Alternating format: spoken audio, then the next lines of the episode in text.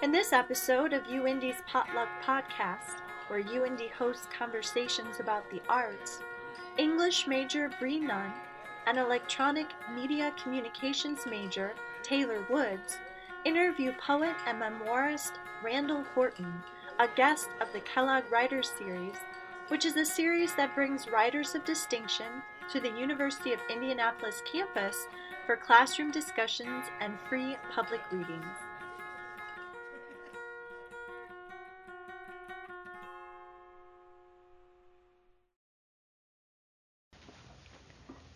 Hello, literature lovers, and welcome to University of Indianapolis Arts Podcast Series. I am Bree Nunn, a sophomore English major at UIndy, and a student assistant for the Kellogg's Writer Series. And I'm Taylor Woods, a sophomore majoring in electronic media communication at UIndy, and I also serve as the public relations officer of the Black Student Association.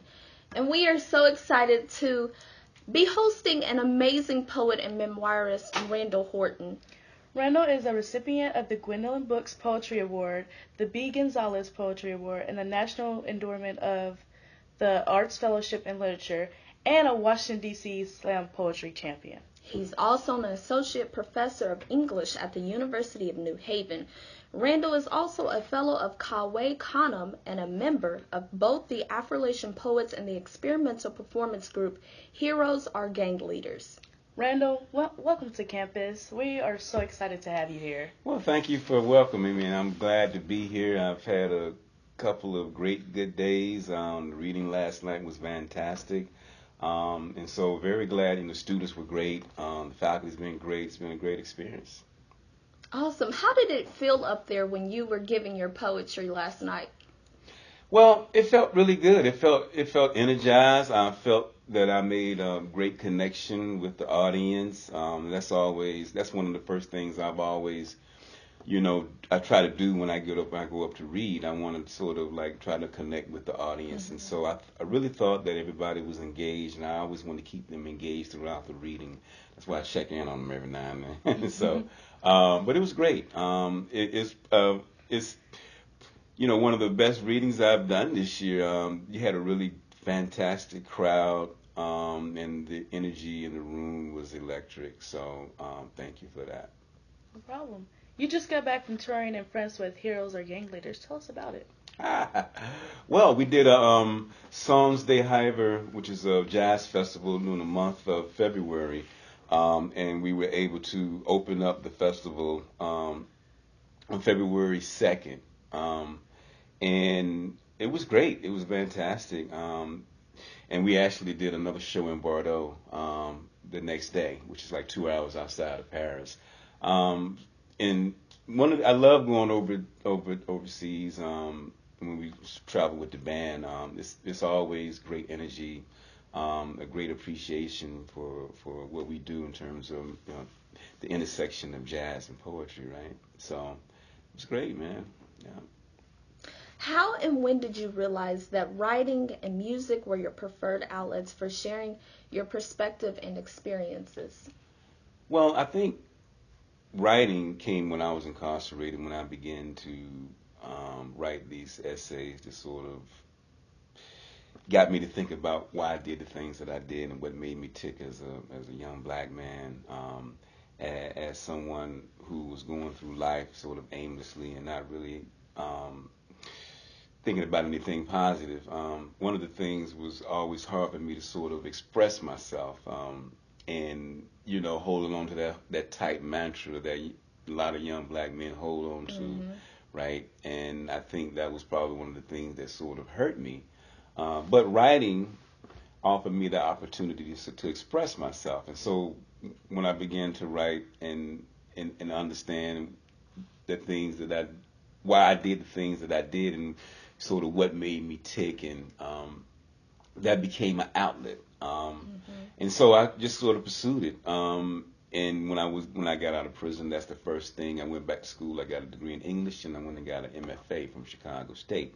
Um, I've I've always been interested in music, um, but the opportunity, a unique opportunity, you know, presented itself um, when um, the the great legendary and black arts movement poet uh, Amiri Baraka, mm-hmm. also known as LeRoi Jones. Uh, mm-hmm. although he transcends many periods and from beat to Black Arts Movement to you know other sort of movements, he sort of gets lumped in. But anyway, he he passed away. Mm-hmm. Um, and I went to his funeral uh, in Newark uh, because he was such a historic figure. Um, I don't even know if you realize this, but you don't necessarily have a, a, a um, black studies programs or, or, or right. anything like that without without Amiri Baraka and, mm-hmm. and, and, a, and, a, young Nikki Giovanni who goes out mm-hmm. to San Francisco State mm-hmm. and they team up with another young Danny Glover mm-hmm. who's actually you know uh, running the, the, student student government and they actually demand this and so um, he's sort of, and then, then sort of the, the literature that he sort of created and inspired I sort of resonated with so I wanted to go. Uh, but also while I was there, uh, we team we hooked up with some musicians because you know Baraka was very um, instrumental in sort of critiques and doing the first you know study of, of, of jazz with the blues people mm-hmm. and other subsequent essays and things like that. So he's very you know revered in a few circles, um, along with plays and things like that. Mm-hmm. But anyway, um, we we got together and we were talking with some friends and um, you know musicians and, and poets and we was like we should do a tribute to Amiri. And um, it just so happened um, one of the saxophonists, uh, James Brandon Lewis, um, was doing a project and he had some more studio time, um, and we were able to go into the studio and record, um, which w- w- would become the actually the album that just came out that we did in wow. um, Paris. It's called the Baraka Sessions, which was and we would so that even though that album just came out mm-hmm. um, in December, we it was our first project but we held on to it for a while before we released it. So we were going to release um, the Avant Garde um, and Highest Engines um, and Flukum. So there was three projects that we did before we even released this. But well, anyway, when we actually recorded, we realized that we had something special mm-hmm. um, with the group that we worked with, and and I had never really worked with musicians, but it was something about working with jazz musicians and the way they hear music, and mm-hmm. that I sort of translated mm-hmm. to poetry, right? Mm-hmm. And it just was a natural fit. So, you know, if you ask, if you would have asked me, you know, 20 years ago, would I be in a band doing something like right. I told you, no, you're crazy. but I think you would never know where the journey leads, and exactly. so that's why we have to keep on moving, keep on mm-hmm. exploring, and keep traveling. And you know, because we sometimes we can't see around the road what's exactly. going to happen, right? Mm-hmm. Yeah, so. Right. Um, we read in an interview that a lot of your poet, poetry um, work is generated through the t- um, train travel. Can you tell us about the poets of motion? Well, I love you. You said you should notice that. Right? I'm very interested in in like I love I love the, the, the, train. Right, the train is very meditative to me. And when I was working on certain parts of uh, my memoir, um, I would actually write on the train.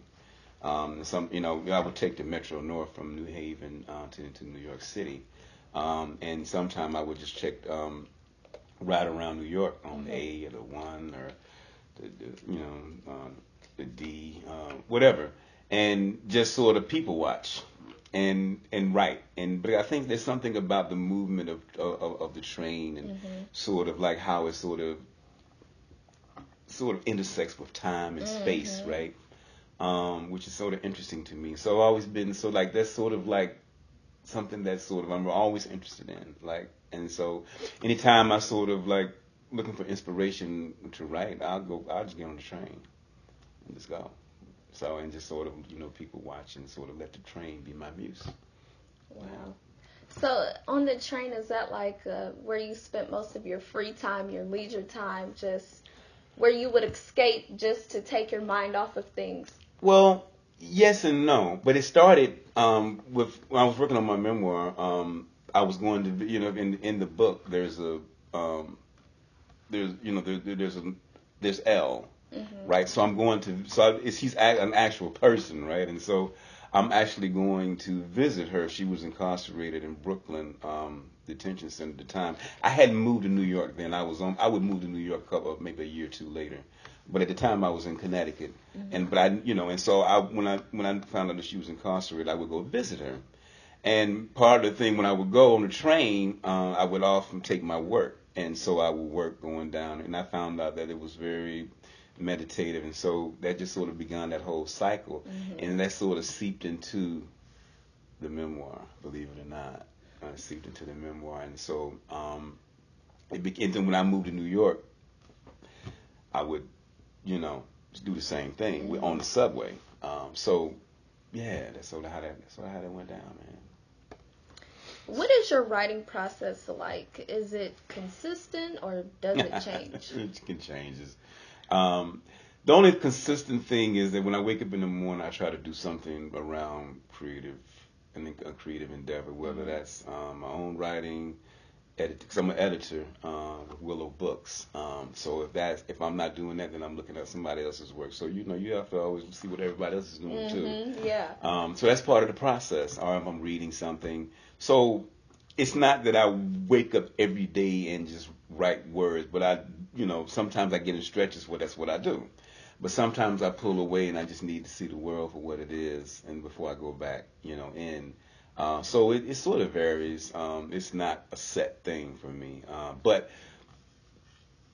operating around that, you know, the, the, you know the writing process in some kind of way um, is, and you know, and now that I'm, you know, I'm doing with the music, so sometimes that could be working on the next, mm-hmm. you know, whatever record, song, or whatever we're doing that sort of needs some some words in terms of poetry or whatever. So it all it all works for the good of like whatever I'm trying to do. So I try to make all of my projects like mean something in the mm-hmm. totality of whatever it is that I'm doing. So, you know, that's the goal. How would you describe your editing process, especially in poems where you're really interested? interesting stylistic choices like flashing lights, mm. more clearly to see, and in, in the year of our Lord, circa 1840. Well, my editing, you know, I'm. It's a it's an ongoing process. I'm, I'm up until I turn in the manuscript to the publisher. So it's the uh, you know the, Toni Morrison famously um, I was actually in D.C. one time when she was reading. She was reading with a pencil, and so she was like editing her book as she wow. read. Like she, and she said it's something that she can't help do. So I always remember that. If she can do that, I mean, I can think I can right, do. You know, right, yeah. So you know, so um, but you know, with that said, um, I'm always I'm I'm, I'm you know I'm in, I interrogate words um, all the time, and I need to find out why they're up in my poem. Mm-hmm. so, you know, that's my job. Like, if they can't prove to me why they're in my poem, then they need to go. Um, and then I'm also interested in a lot of times in uh, what am I doing different in terms of you know my craft and my mm-hmm. style that you know that sort of not I don't, I don't like to get caught up in the same cycles of, of sameness. And so for me, um, how can I be different? in a lot of times. And so that's what the poem is about. A poem is a lot of times about that those sort of turns and explorations and sudden, you know, epiphanies and all of that. How can I make that happen? Or how can I bring how can I make the physical landscape of the poem jump out? Mm-hmm. And where the reader has to like wonder what it is, and so think about it mm-hmm. in a mm-hmm. way, you know, that they probably wouldn't think about in a poem, you know, mm-hmm. just reading it. Right. So I want that, I want all that interaction to go on. So a lot, that's what I, you know, that's that a lot of times that's what I'm doing. Um, and you know, um, I, I, edit all the time. Um, it's very, I don't just write and then, you know, send something out to get published. They have to sit for a while mm-hmm. um, before I even think about, pub, you know, send them out to get published individually, let alone a collection. Right. So I'm always constantly going back, always, like always. I understand. How do you navigate the relationship between subject and form in your writing? How do I na- navigate subject and form? Hmm. Well, the subject to me is not as important as the form or non-form. Mm-hmm. Meaning that I'm not married to you know i think that how you present the poem creates the subject a lot of times sure you can start up you know with you know saying i and he or she and these things but for me it's what happens around i'm more interested and if you notice in my work like i don't use a lot of i mm-hmm. that's not but you know i will but i just think I, I think i can be i can get off everything i need to get off get get off my chest or whatever I'm trying to convey through the whole the total interaction of the poem, right? I don't want I just feel like a whole book about me is boring, you know. so that's just me, you know. I think other poets, and then I could read somebody who's writing in the eye, and it's just perfectly fine. Mm-hmm. I think it's your own personal choice and how you you know choose to attack things, right. but not that's. And with that said, I will use I when you know when, when deemed necessary. Um, but the idea of form or non-form, um, you know, I'm always interested in form to see how I can rearrange form. Mm-hmm. You know, you know, again, like I'm, I'm, I don't want to be, I don't want you to come out of my work saying like, oh, I sound like somebody else. Right. And you know, so I just don't. You know, but you know, speaking of Amiri Baraka, he has this, this famous, he has this famous essay, "How You Sound." You know, and so I think you have to be, you know, as a poet and as a writer, you have to be conscious of how you sound. Mm-hmm. Right. So, yeah. Uh, we read your memoir, Hook, for class. Mm-hmm. The fact that you're here right now is really amazing. Like it's really a miracle. The book allows us to follow your path from a college student to an addict to a criminal to street living to mm-hmm. prison mm-hmm. and back to college. Mm-hmm. What it what was it like intensely to revisit that part of your life through narrative? It was hard.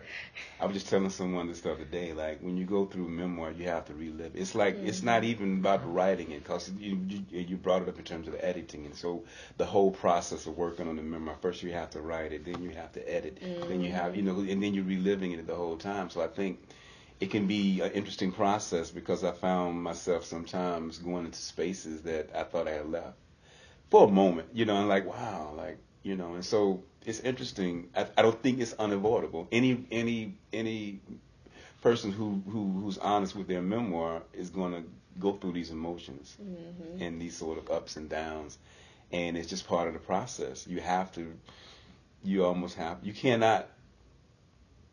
You, you cannot like write this whole you know your whole story without revisiting those difficult moments um, and sure they do affect you um, and there were some places I just didn't. I had to go, but you know, I realized that it was affecting me. You know, mentally, um, yeah. just in terms of how I interacted with people. Mm-hmm. Like I, mm-hmm. you know, I was like, whoa, I'm like I'm hooked now. you know. and so you have to. You come, but I was I was very conscious of that, and you know, it was something that I had to deal with. But I was very, you know, I was very aware of like what was happening. Um, up until and you know up until you know I got, I let it go. Yeah. In Hook, you incorporated many interesting stylistic techniques as well. I want to start by asking you about the letters to L. Why did you decide to include the female experience of the legal system alongside your own? Well, because that's one of the most silent voices when we talk about the criminal justice system. Mm-hmm. You don't you think mm-hmm. about it. You know, you don't, you know, like there's a three, there's a couple of, of writers that I know. One, myself and um, a couple of others. Uh, Mitchell Jackson was a fiction writer uh, who has a book called The Residue Years, and he just, I'm just actually getting ready to interview him for his memoir called Survival Math: mm. Notes on the All-American Family. And um, Dwayne, Reginald Dwayne Betts, um, who actually just passed the Connecticut bar. So he was arrested at 16 for carjacking, spent 10 years in prison, right? So he's a poet as well. We all, we, I met, me and, me and um, Dwayne met in Cave Canem.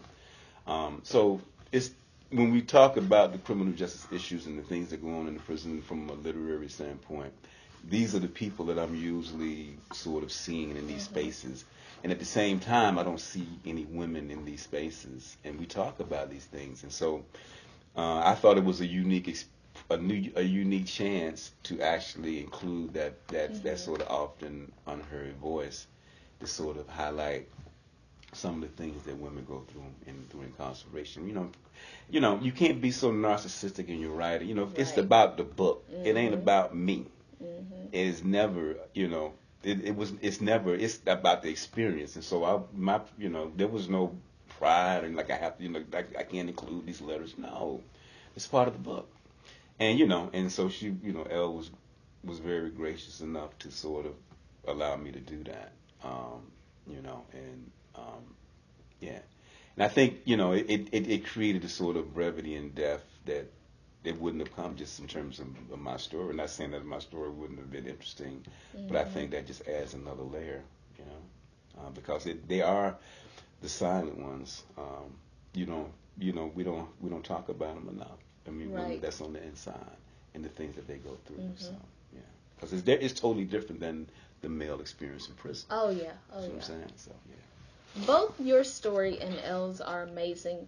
One thing that strikes us deeply is the humanity that resonates throughout them, especially your loving portrayals of prostitutes and the homeless.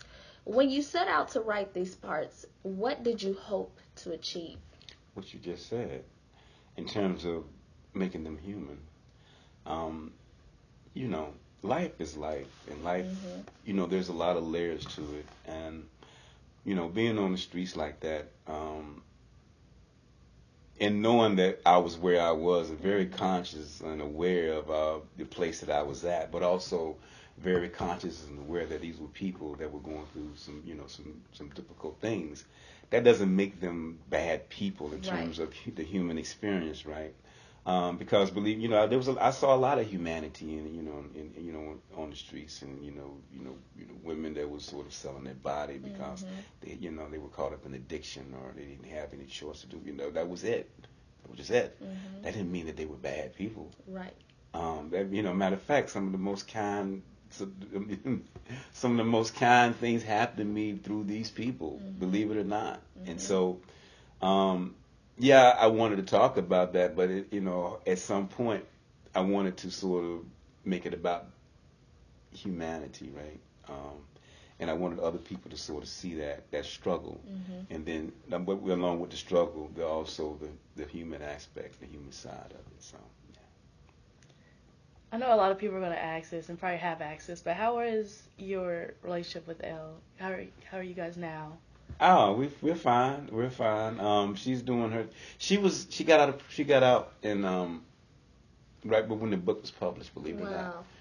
And so we actually used to do readings together for a long time, um, for, for maybe two years. Um, yeah, so she's back with us. You know, she was, her son was two when she went in, and he was six when she got out. Okay. So, um, you know, first couple of years, man, was really about bonding with her son.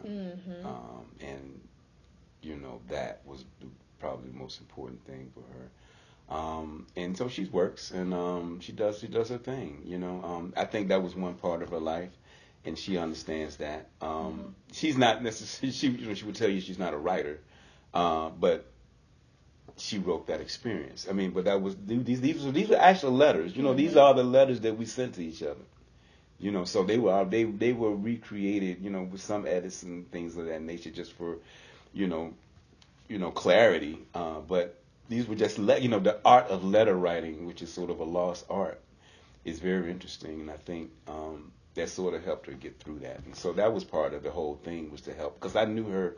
She was a, she was an undergrad, um, and when she got her, but she had been incarcerated before, and so we knew each other. We bonded because of that experience of having in, when we were in the SUNY Albany, and um, you know, she went on to do it. You know, got her degrees and all that, and sort of made this so got involved in something that she almost didn't really have any control over, and it sort of derailed her. And so it was through the letters um, that sort of helped, you know, help help to help her get through that. And the idea that we could also talk about literature and um, you know that part of it was you know 'cause, you know that was very you know cool too to be, t- be able to talk about books and you know and so um, but yeah she's she's she's doing her thing she's in, she's in the Bronx um, and so she's around she's around yeah. That's good. Um, you returned to she prison. may do an interview with you one day you should call hit her up We'd love to have her. I am so serious. You know, she used to go. She used to travel. We used to travel around a lot because there, you know, she would read her parts. right. Because I, I don't, I don't read her parts. I, I you know, I, I, I, I refuse to do that. That's, that's her. That's That her. must have been interesting to hear like her read hers along Right. with We would, we would, we would read. We would go back and forth and read our, read our parts. Ooh, yes. So Yeah. like a duo. Yeah, yeah, yeah. Yes, I like There's that. actually a couple of YouTube videos where we we're doing. We did it at PEN America. This event in New York, um, and so and sometimes I'll actually play her part because she we recorded. We did some some video stuff, and I recorded her uh, reading a couple of those. So sometimes you know I'll play her you know on the screen and then I'll read it stuff like that. So. Sounds like you're um, you returned back to prison to reach out to those in your position that you were once in. Can you tell us about your work in the PEN America Prison Writing Program? Ah, yeah, it's it's um it's interesting. Right now we're um we we got we, we got some money from uh, this um, organization Arts for Justice, um, and so what we do, what we've been doing the last couple of years is um, we've been working on what I've been working on is sort of uh, help work on rather um, is sort of like giving we well we award 10, 10 fellowships to to writers who are working on issues or addressing issues creatively within the criminal justice system right? Um, and so that's been sort of my work for the last couple of years. Um, and even before then we used to we um, we hold we have um, contests for, for people who on, who on the inside, uh, men and women. And so, um, you know, a lot of times we give monetary prizes, you know, for, for them. And but we also culminate with a fundraiser. Um, and we'll have actors, you know, you know, you know, like he just talked about Nick. You don't know Nick Flynn, um, but he's an interesting writer um, who had a memoir that was turned into a movie with Robert De Niro. Um, wow. Yeah, yeah, yeah. Um, so we have you know, sort of famous people come and sort of read the work because they're still incarcerated, mm-hmm. they're still mm-hmm. locked up, and um, and we put on an event to raise money to, to, to do programming on the inside mm-hmm. of different places throughout the year. So, um, but right now, um, I think um, getting this getting this, this this pool of fellows each year to sort of address some because to address some of this stuff because what we've been able to do is award some of these fellowships to to men and women who are on the inside currently, mm-hmm. and they're able to get their work out and tell the stories um, that probably would would never, you know, otherwise yeah. not even get out, right? Yeah. Well, that's awesome because um, just to um, tag along on what you just said, because mm-hmm. this really encourages um, those people to like really speak out about their experiences right. and help other people. Um, right, um, that's what it's all about. And exactly. You know, to, to, to help other people and sort of like educate. Mm-hmm. And so that's part yeah. of it too, sort of educate, you know, the pop, you know, you know, the larger population about that sort of um, the hidden empire, as Michelle mm-hmm. Alexander says in the new Jim Crow. Um, it's like the invisible empire. Like it's like it's, it's the place that's sort of invisible if it doesn't affect you. So mm-hmm. we go about mm-hmm. our daily lives, but there's these lives that are sort of hidden behind this veil, and you know they're sort of kind of stuck stuck there. Mm-hmm. And you know, um, what are the you know what are the alternatives to like some of the things that we're doing um, with incarceration? Right. right. I think that's where you know we need to really focus a lot of attention on in terms of why people you know, why is recidivism so high? Mm-hmm. Uh, why are people returning? Uh, you know, a lot of times because you know eventually they, they didn't get the help that they need in some kind of way, mm-hmm. or continued help. And like it's not a one-off, man. You have it's like when you when you invest in someone, you have to really invest in them. Um, yeah. You know, that's just true. I know exactly what you mean. Yeah, no. yeah. Well, let's end this conversation on some light notes. What are you working on currently? Well, I think I told I meant I sort of uh, unveiled a little bit. I'm working on another collection of poetry. Um, um, it's called 289128, which is my state prison, was my state prison number in Maryland. Um, and so it's these sort of poems that sort of um, talk about the inside. Um, and if you notice, I'm I'm very careful about the language of incarceration. I try not to use prison too much, and you know all of those things. Felons and convicted felons, and I think people are people. Mm-hmm. And I think mm-hmm. one of the ways in which we need to start the stigma and the stereotypes around people is sort of how we address them and how we think about exactly. them. Exactly. You know what I mean? And mm-hmm. so, um, so that's what I'm working on in terms of, um, you know, sort of it's sort of divided in three sections, and so. Um, but it also talks about the dead weight of carrying, you know, that you know mm-hmm. the mark mm-hmm. of incarceration and the mark of you know being convicted of felonies and all that thing. How do you when you go when you go out into the larger world? Um, and so we're working on another um, um, album project. Um, we recorded in Berlin, and so we're working on the, um, that project here, well, in New York, um, and working on a collection of essays. I didn't read any of them last night. Uh, probably should have, but working on a collection. It's called Change, Change, or Changing right? And so it talks about the, you know, it is sort of like looks back from my, you know, mm-hmm. from the mm-hmm. present to some of the things that I sort of went through in just very very different ways than, than Hook. You know what I mean? Um, so um, we'll see. Um, is there anyone interesting that you're reading, or anyone who excites you right now? Hmm. That's interesting. Who excites me? Um, well, um, I'm reading Jesmyn Ward's Sing Unburied Sing. I like that book. Um, um, I just read Mitchell Jackson's Survival Math, uh, it, which doesn't even come out until April, so I got an advance copy. so yeah, um, and um, yeah, and so, hmm, and I just got a sneak peek at some of Dwayne Betts's new book, Felon.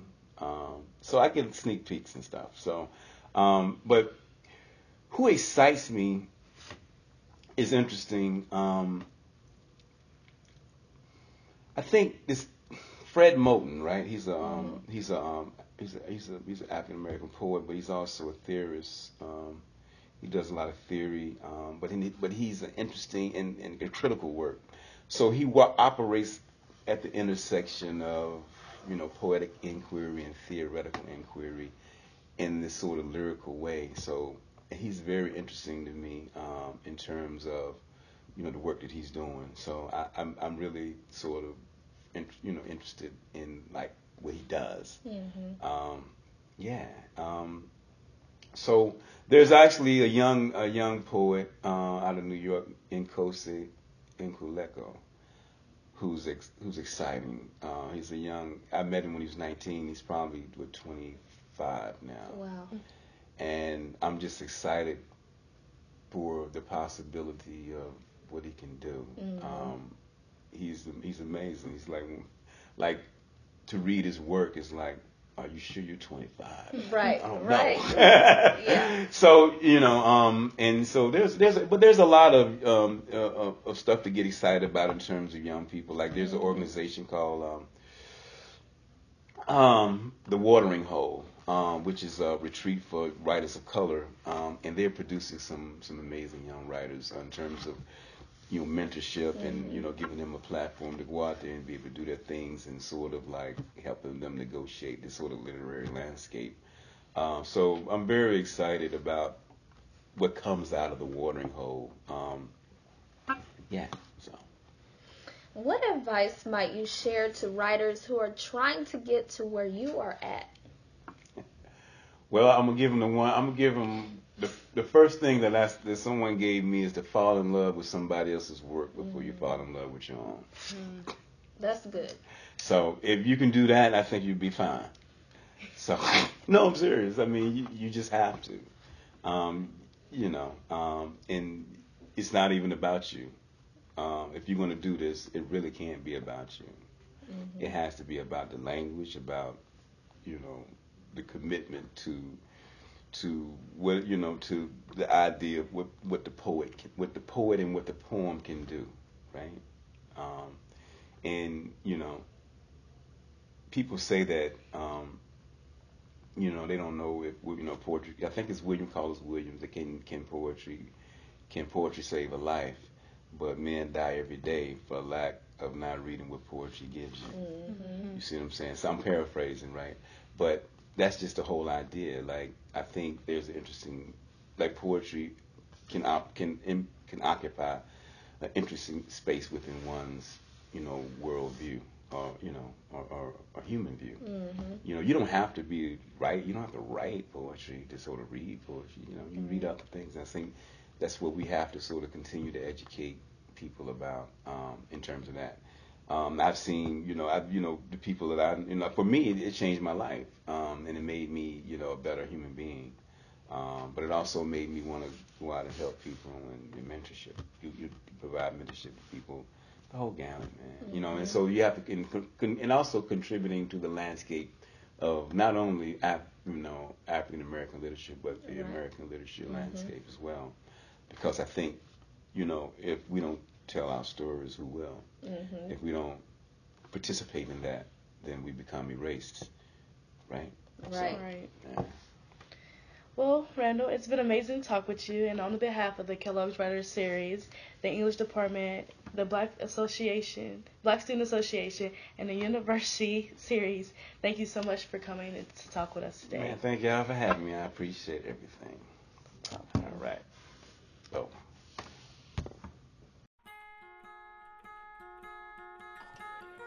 Thank you for listening to the UIndy Potluck Podcast, hosted by students and faculty of the University of Indianapolis.